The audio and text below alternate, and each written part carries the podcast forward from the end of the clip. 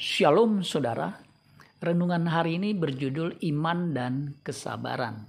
Ibrani 6 ayat 11 sampai 15. Tetapi kami ingin supaya kamu masing-masing menunjukkan kesungguhan yang sama untuk menjadikan pengharapanmu suatu milik yang pasti sampai pada akhirnya. Agar kamu jangan menjadi lamban tetapi menjadi penurut-penurut mereka yang oleh iman dan kesabaran mendapat bagian dalam apa yang dijanjikan Allah.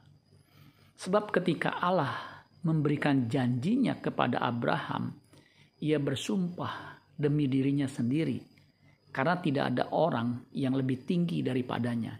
Katanya, sesungguhnya aku akan memberkati engkau berlimpah-limpah dan akan membuat engkau sangat banyak Abraham menanti dengan sabar dan dengan demikian ia memperoleh apa yang dijanjikan kepadanya.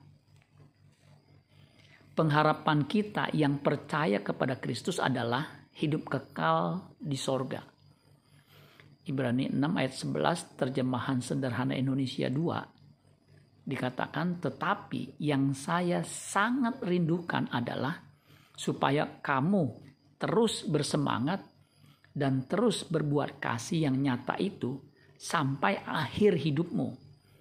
Karena dengan begitu, kamu memastikan bahwa kamu akan menerima apa yang kita harapkan di sorga. Untuk menjadikan pengharapan itu menjadi milik yang pasti, kita harus serius dalam mengikut Tuhan.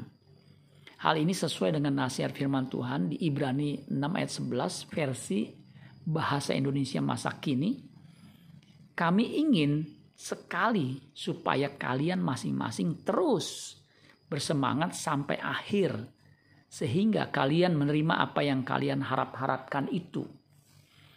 Untuk bisa bersemangat hingga akhir, kita butuh kesabaran dalam mengikut Tuhan. Iman kita harus dibarengi dengan kesabaran. Tanpa iman, kesabaran tidak akan dapat bertahan lama tanpa kesabaran, iman tidak akan mendatangkan hasil. Mari kita terus bersemangat di dalam Tuhan karena ada upah bagi kita yang mencapai garis akhir. Ibrani 11 ayat 6. Tetapi tanpa iman tidak mungkin orang berkenan kepada Allah. Sebab barang siapa berpaling kepada Allah, ia harus percaya bahwa Allah ada dan bahwa Allah memberi upah kepada orang yang sungguh-sungguh mencari dia. Amin buat firman Tuhan. Tuhan Yesus memberkati. Sola Gracia.